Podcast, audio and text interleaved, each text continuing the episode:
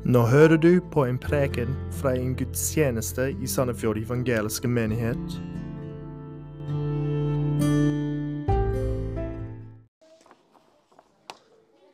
Ja, takk, Arlen. Jeg, jeg syns det er veldig bra at vi, eh, vi har opplæring til eh, våre barn på deres nivå. Det er noe som jeg har bedt om, og eh, jeg er veldig takknemlig at vi, vi kan tilby det. Og jeg håper i fremtiden at vi kan uh, inkludere flere, uh, både når det gjelder eh, voksne som skal lære barna, og flere barn på deres forskjellige nivåer. Det er det som jeg ønsker. Og jeg håper kanskje at vi kan gjøre det på en, en annen tidspunkt enn klokken 11. Men vi får se. Det er eh, noe som vi må vurdere i fremtiden, og vi må ha eh, flere ressurser som eh, er villige til å hjelpe med barnearbeid. Jeg husker selv hvor viktig barnearbeid var i mitt eget liv. Jeg gikk på søndagsskole i hele oppveksten min. Og det var så bra å høre Guds ord fra andre voksne enn bare mine foreldre. Det bygget opp min tro. Og eh, det var en grunn til at jeg kom til Herren som en seksåring.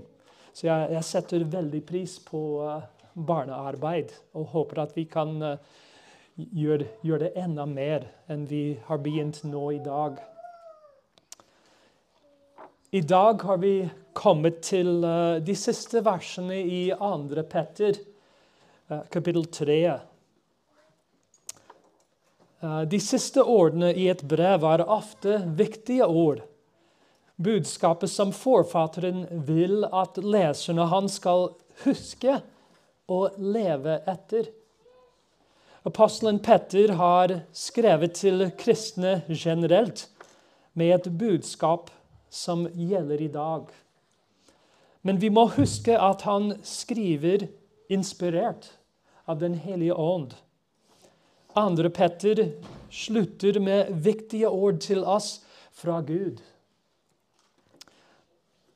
Når vi sender våre barn ut av huset, pleier vi å gi siste instruksjoner etter deres alder. Hør på læreren, og oppfør deg pent i dag. Pass på lillebroren din når dere krysser hovedveien. Kjør pent, og husk å være hjemme før det blir mørkt. Slike ting pleier vi å si fordi vi skal være borte fra barna. Vi minner dem om det vi syns er viktigst. Og på en lignende måte vet Petter at han er snart borte. Han vil snart lide martyrdøden. Og han skriver til å minne kristne på det viktigste i det kristne livet. I kapittel 3, vers 14-18, oppsummerer Petter brevets innhold og gir siste formaninger. Vi har sammenlignet andre Petter med Jesu lignelse om hveten og ugresset. Andre Petter 1 handler om hveten. Sanne kristne og deres vekst til modenhet. 2. Petter 2 handler om ugresset. Falske lærere som går fortapt, og som leder andre til fortapelsen. Og 2. Petter 3 handler om høsten. Jesu gjenkomst og rettferdige dom over den vantro verden. Oppsummeringen av og avsluttende formaninger i kapittel 3 eh, går i motsatt rekkefølge. Som vi har eh, i kapittel 1 høsten, kapittel 2 ugresset og kapittel 3 eh, Beklager, jeg sa det feil. Kapittel 1 eh, handler om hveten. Kapittel 2 ugresset og kapittel 3 høsten.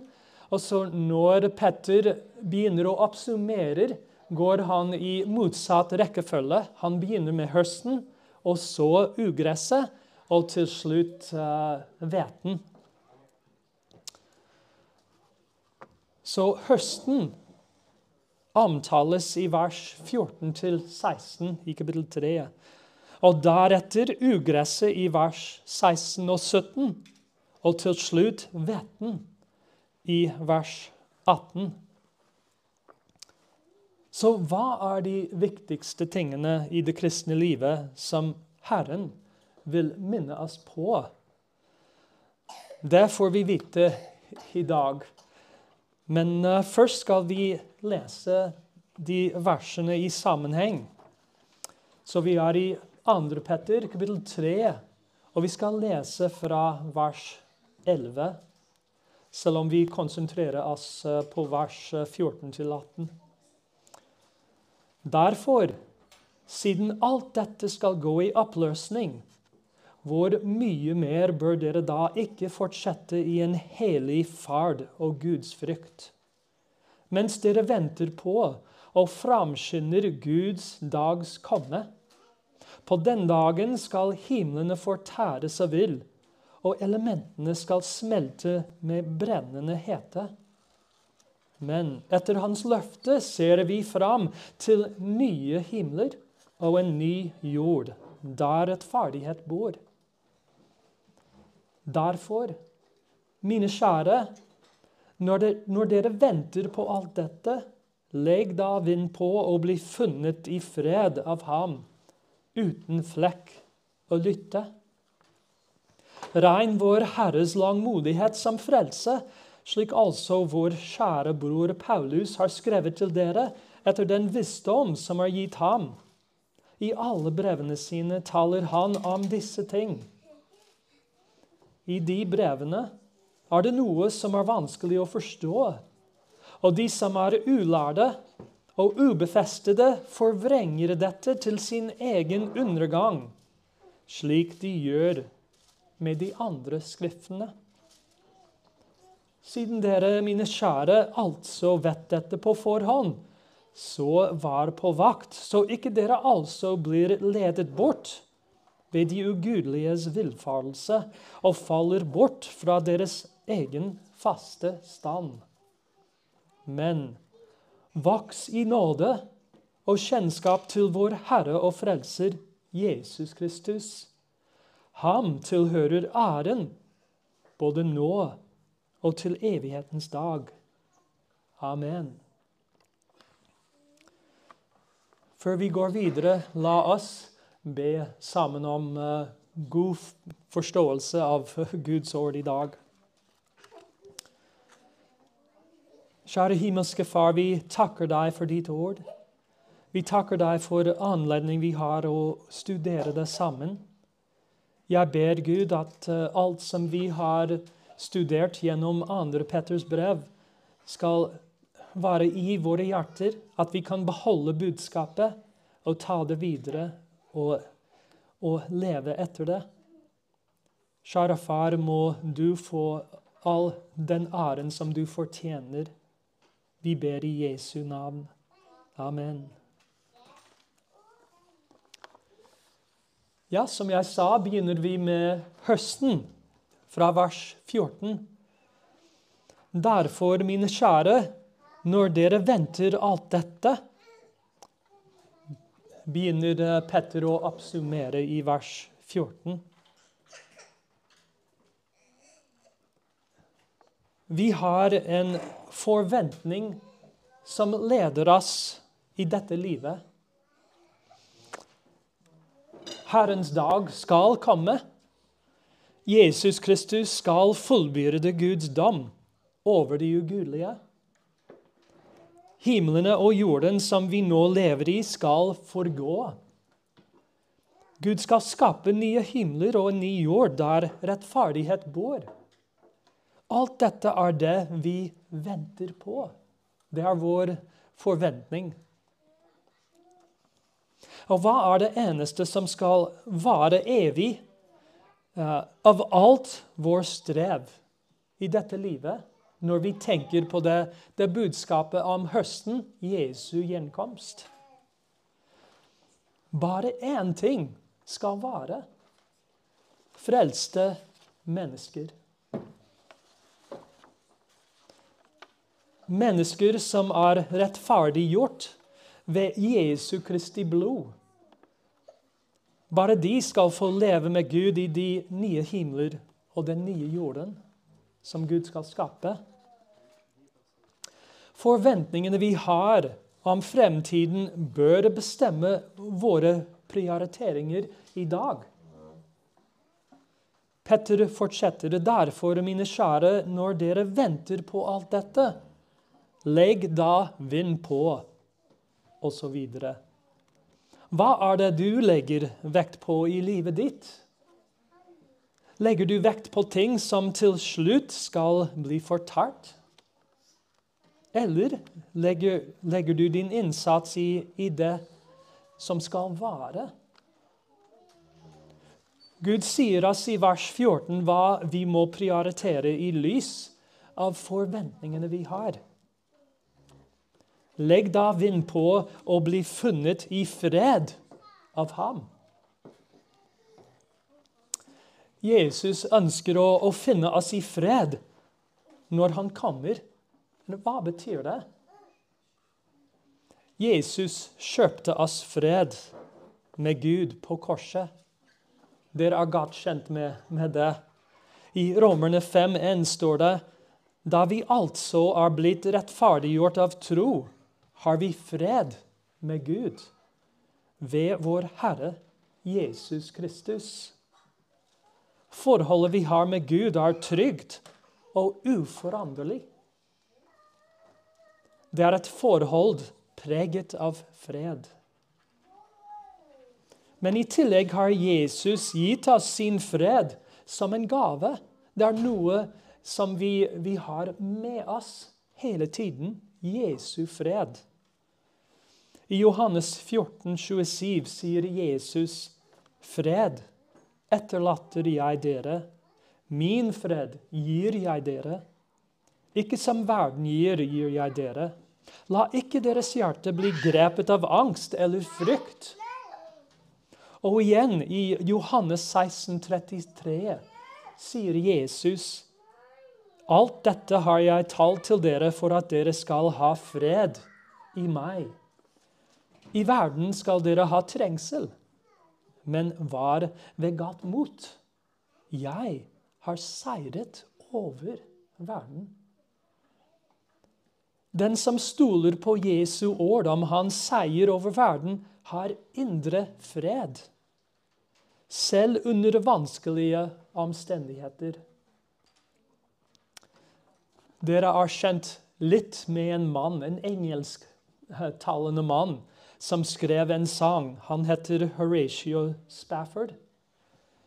Han var en kristen som kjente Jesu dype indre fred. Han mistet barna sine i et forlis på Atlanterhavet. Men over stedet hvor skipet gikk ned, skrev han sangen 'Det er vel med min sjel'. Hvordan fikk han en slik indre fred, selv i sin dype sorg? Sangen han skrev, vitner om hans absolutte tro på Jesu Kristi kors og hans forventning om Jesu komme. Han hvilte i Guds godhet mot ham, til tross for vanskelige omstendigheter. Hvordan går det med deg i dag? Har du både fred med Gud og indre fred i dine omstendigheter? Jesus ønsker å finne oss med en slik tro når han kommer, at vi stoler på Jesu ord til oss, at han har seiret over verden. Og den troen som skaper indre fred, motiverer altså til hellig livsførsel. Jesus ønsker å, å finne oss i fred uten flekk og lytte, ifølge vers 14. Uttrykket 'uten flekk og lytte innebærer vekst i helliggjørelse. Og det skjer innvendig. Når vi har vekst innvendig i helliggjørelse, så fører det til et godt vitnesbyrd utad. Jeg tror det at, at, det er en god forklaring i Filipperbrevet om, om eh, hvordan eh, vi går den veien til helliggjørelse i livene våre. Så jeg vil at dere skal slå opp med meg i Filipperbrevet, kapittel 2. Og vi skal se på vers 12 eh, 15. Filipperbrevet 2, 12 15.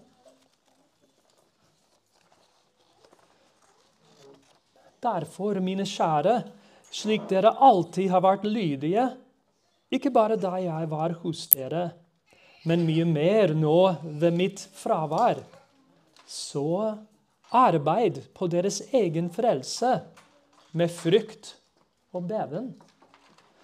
For det er Gud som virker i dere, både å ville og å virke for Hans gode vilje. Gjør alle ting uten klager og innvendinger, slik at dere kan være ulastelige og rene, Guds uklanderlige barn, midt i en vrang og fordervet slekt. Blant dem skinner dere som strålende lys i verden, på den måten at dere holder fram livets ord slik at jeg kan glede meg på Kristi, Kristi dag over at jeg ikke løp forgjeves, eller at jeg arbeidet forgjeves.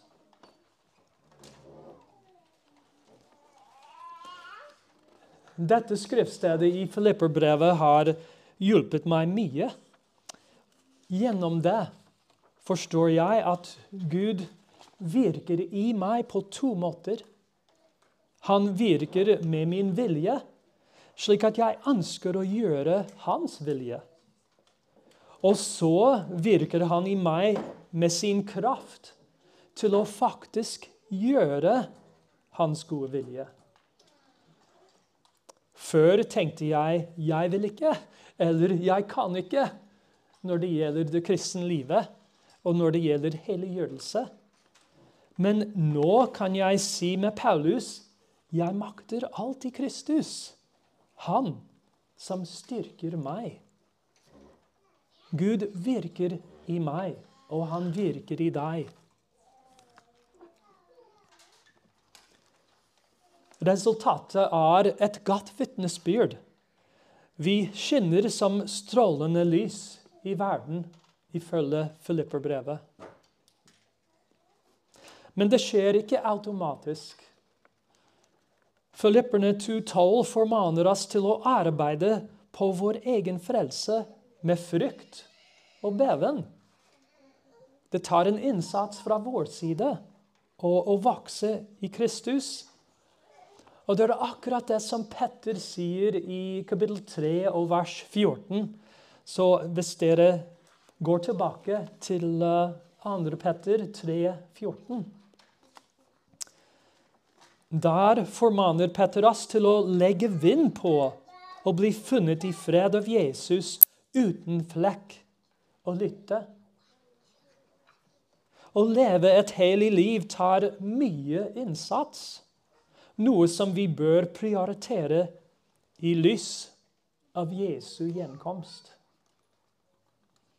Det er slik Jesus ønsker å finne oss når han kommer. De fleste av oss har vært eh, elever på en skole på en eller annen gang i livet. Noen ganger må læreren forlate rommet og gi instruksjoner som, eh, om hva elevene må gjøre i mellomtiden. Og Det er interessant å se hva som skjer når læreren er borte. Noen elever er flinke til å adlyde og følge instruksjoner. Andre er innstilt på å skape så mye forvirring som mulig uten å bli oppdaget. Når læreren plutselig kommer tilbake, blir det tydelig hvem som er lydig, og hvem som er ulydig. Jesus er borte fra oss nå, men han kommer tilbake. Hvordan skal han finne deg og meg? Skal han finne oss i fred, uten flekk og lytte? Eller skal han finne oss annerledes? Petter formaner videre i vers 14 om holdningen vi trenger som troende. Det står, det står her i, i, vers 14.: Regn vår Herres langmodighet som frelse. Regn vår Herres langmodighet som frelse. Husk at i de siste dager skal spottere så tvil om Jesu gjenkomst. Det var det som vi leste i begynnelsen av kapittel 3. De skal si 'Hvor er løftet om hans gjenkomst?' Guds svar hørte vi tidligere i kapittel 3 og vers 9. Herren har ikke sendt med løftet, slik noen regner det for sannhet, men han er tålmodig med oss, fordi han ikke vil at noen skal gå fortapt, men at alle skal komme til anvendelse. Siden Jesus ennå ikke har kommet, forstår vi at Gud har flere mennesker som han vil frelse. Gud vil at vi skal dele hans holdning til mennesker som er fortapt. Jesus kalte sine disipler til å være menneskefiskere, og det gjelder altså oss i dag. Oppgaven er ikke ferdig før Jesus kommer tilbake. Og det er en del av det hellige livet som vi skal leve.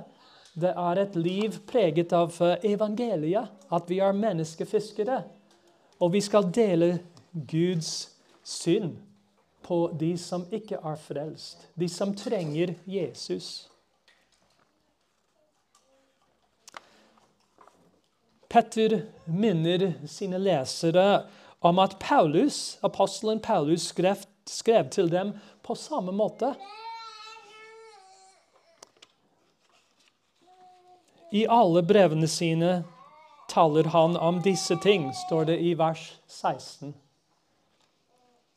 Jeg skal ikke gi en oversikt over Paulus' brev i dag, men bare nevne et par ting som, som er til felles her mellom det som Petter har sagt, og det som Paulus skrev om i sine brev. Paulus skrev altså om Guds tålmodighet med vantro.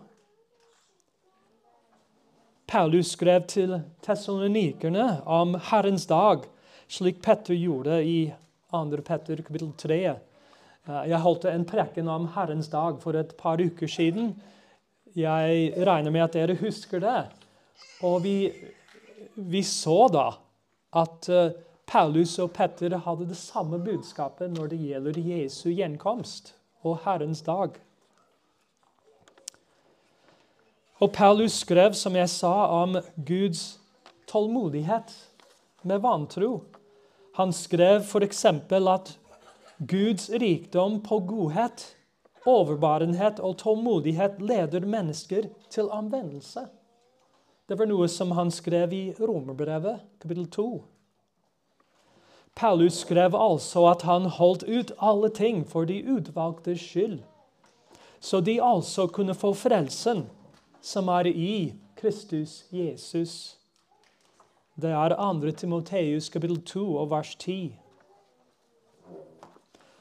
Og Meningen med det var å oppmuntre Timoteus og andre trofaste menn til å gjøre det samme. Til å holde ut alle ting for de utvalgtes skyld. Petter, i likhet med Paulus, skriver inspirert av Den hellige ånd.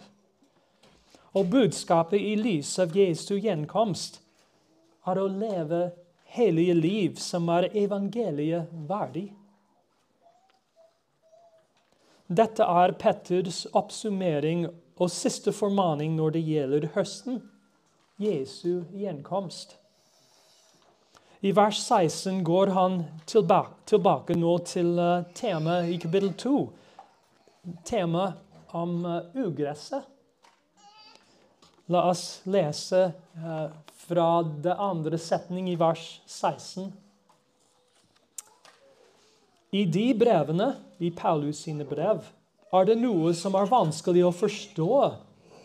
Og de som er ulærde og ubefestede, forvrenger dette til sin egen undergang, slik de gjør med de andre skriftene. Husk at ugresset i kapittel 2 angår uh, ja, uh, ja, unnskyld. Kjerneproblemet med ugresset i kapittel 2 uh, eh, angår Guds ord. Husk at ugresset i kapittel 2 er falske kristne som går fortapt, og som leder andre vill. Petter beskriver dem kort i vers 16 som ulærde og ubefestede deres forståelse av Guds ord er overfladisk og egentlig feil. Deres tro bygges ikke på det faste grunnlaget som Guds ord gir, men på deres egne meninger, som bare er skiftende sann. Hva gjør de med Guds ord? Ifølge Petter forvrenger de det. De forvrenger Guds ord. Dessverre møtte vi mange slike mennesker i dag. De har ganske sterke meninger om deres feiltolkning av Skriften, og de vil ikke akseptere sunn lære.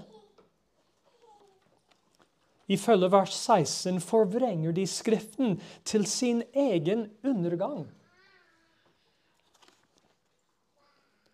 Petter innrømmer at noen ting i Skriften er vanskelig å forstå. Og det vet vi selv.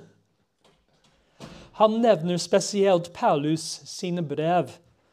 En ganske stor del av Det nye testamentet, hvis du tenker på det.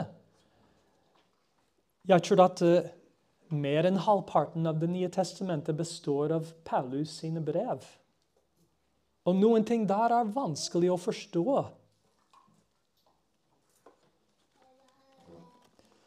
Forresten, legg merke til eh, at Petter anerkjenner Paulus sine brev som Skriften, som Guds ord, i, i lik linje med Det gamle testamentet. Fordi de som forvrenger Guds ord, gjør det på samme måte som de gjør med de andre skriftene. Så han anerkjenner her at uh, Paulus sine brev er Skriften at det er Guds ord. Men jeg tror at han antyder noe annet her som er altså viktig for alle sanne kristne. Hvilken holdning har vi til Guds ord i dag? Hvilken holdning har du til Guds ord personlig? Hva gjør vi når vi kommer til skriftsteder som er vanskelig å forstå i Guds ord? hopper vi bare over og, og går videre? Eller setter vi oss inn i teksten for å forstå ordet rett? Hvis vi ikke studerer Guds ord seriøst, ligner vi de ulærde og ubefestede som Petter beskriver her. Og vi står i fare hvis vi, hvis vi er lik dem hvis vi bare hopper over vanskelige steder i Guds ord uten å studere for å finne ut hva Guds ord egentlig lærer. Derfor gir Petter en formaning til sanne kristne i vers 17. Og la oss lese igjen vers 17. Siden dere, mine kjære, altså vet dette på forhånd, så var på vakt så ikke dere altså blir ledet bort ved de ugudeliges villfarelse og faller bort fra deres egen faste stand. Det er formaningen når det gjelder ugresset, falske lærere, falske kristne. Vi ser at vi er varslet på forhånd. Siden dere, mine kjære, altså vet dette på forhånd. Vi er varslet på forhånd. Det fins ugress i denne verden og i menigheten. Mennesker som presenterer seg som kristne, men ikke er det. De forvrenger Guds ord og leder folk vill. De er farlige for deg og for meg. Formaningen er å være på vakt, slik at vi ikke blir revet med de ugudelige i deres villfarelse. Hva vil det si å, å, være på vakt? For det første trenger vi god kunnskap av Guds ord. Vi trenger å vite når Skriften forvrenges av noen, og hva Guds ord faktisk lærer.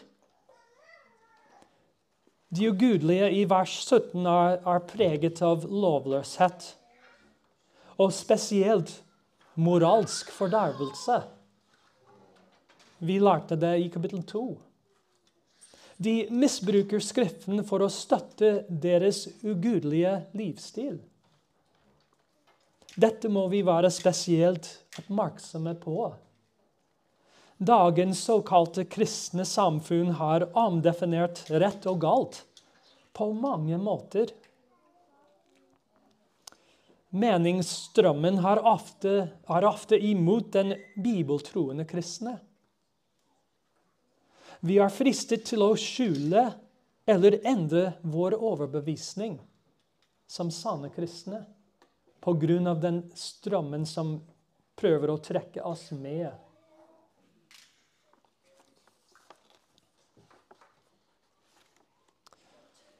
For noen år siden uh, deltok jeg i en dåpsseremoni da jeg fikk privilegium av å døpe uh, to personer.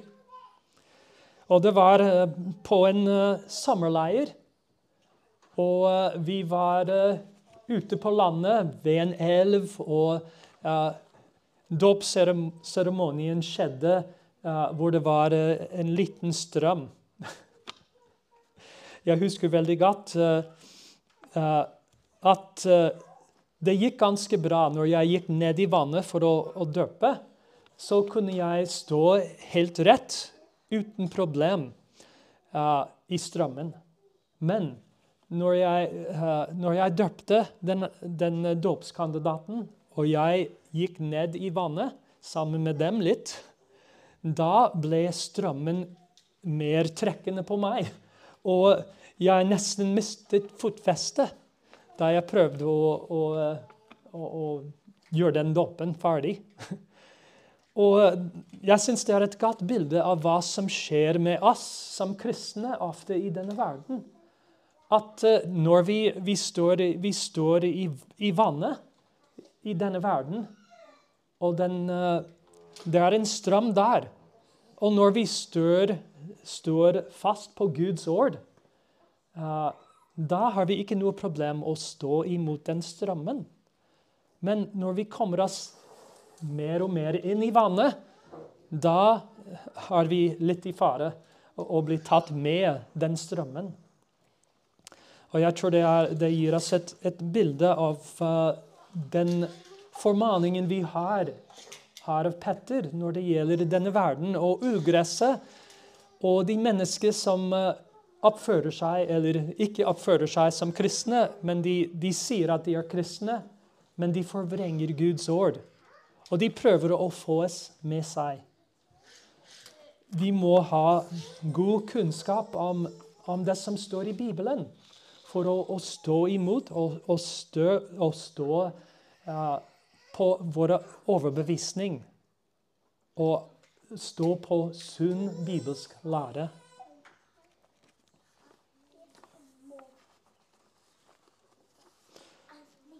Petter i sin oppsummering snakker om høsten, Jesu gjenkomst, og, og hvordan vi skal leve i lys av den. Og han nevner ugresset igjen. De falske kristne som leder andre vil. Og han gir en formaning om å være på vakt for dem. Petter avslutter brevet der han begynte, med hveten. Han gir en siste formaning til sanne kristne. Og det står i vers 18. Formaningen er kort og enkel. Men voks i nåde og kjennskap til vår Herre og Frelser, Jesus Kristus. Sanne kristne har et voksende forhold til Jesus Kristus. I 2. Petter kapittel 1 lærte vi at Gud har skjenket oss alt som tjener til liv og Guds frykt ved at vi kjenner Jesus Kristus. Gud har gitt oss nåde i frelsen, og han vil at vi skal vokse i nåde.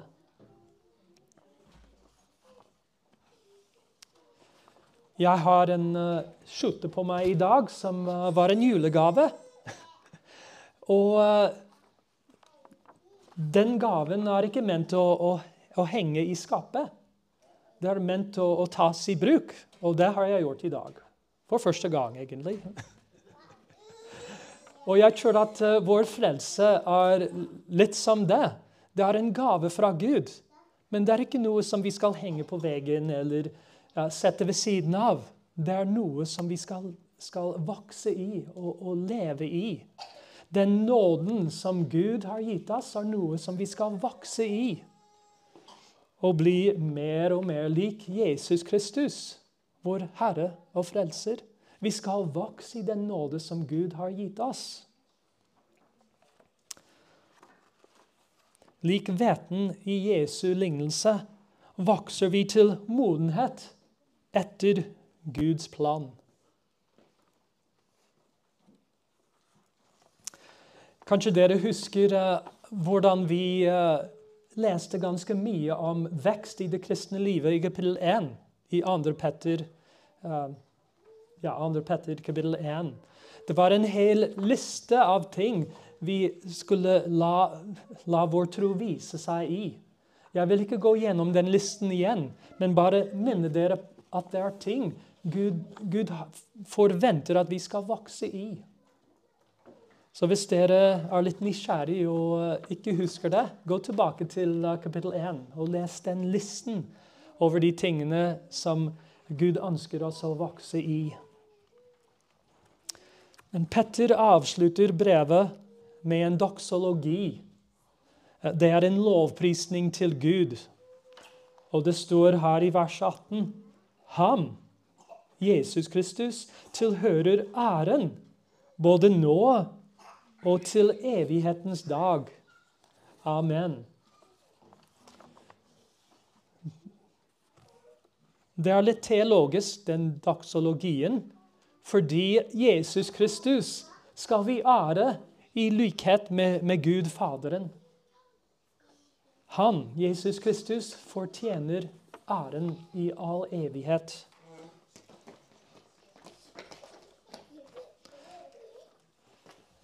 da Jesus levde her på jorden, helbredet han uh, ti spedalske. Husker dere det? Det var ni. Uh, ni som ble helbredet, som bare gikk sin vei.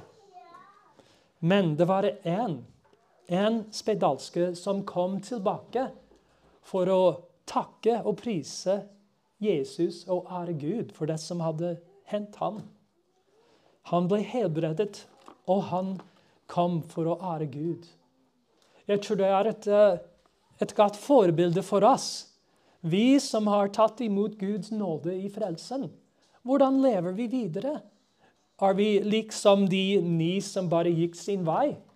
Eller ærer vi Gud?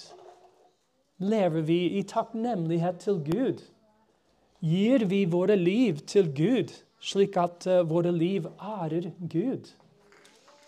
Jeg tror at det er den formaningen som Petter vil gi oss helt til slutt her. Og det oppsummerer hele brevet. At Gud har gitt oss sin nåde i frelsen. Og vi skal ære ham nå og i all evighet. Må vi ta imot uh, dette budskapet og lever etter det. La oss be sammen. Kjære Gud, vi takker deg for ditt ord til oss. Vi takker deg, Gud, for påminnelsen om, om den nåde som du har gitt oss i frelse. Hjelp oss, kjære Gud, å leve til behag for deg og ære deg både nå og i all evighet. Vi ber i Jesu navn. Amen.